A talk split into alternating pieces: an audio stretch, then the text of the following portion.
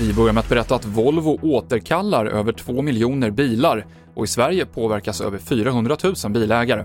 Det här beror på att en stålvajer som är kopplad till de främre bilbältena kan försvagas över tid och att skyddet från bältena då blir sämre.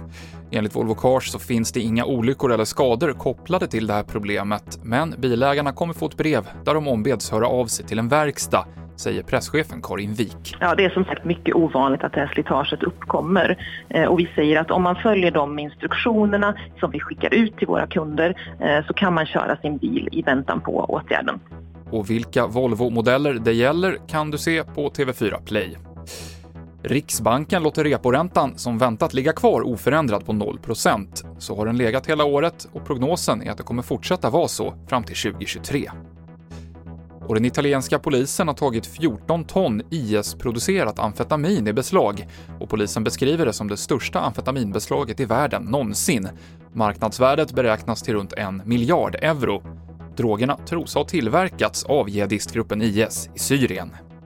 TV4-nyheterna med Mikael Klintevall.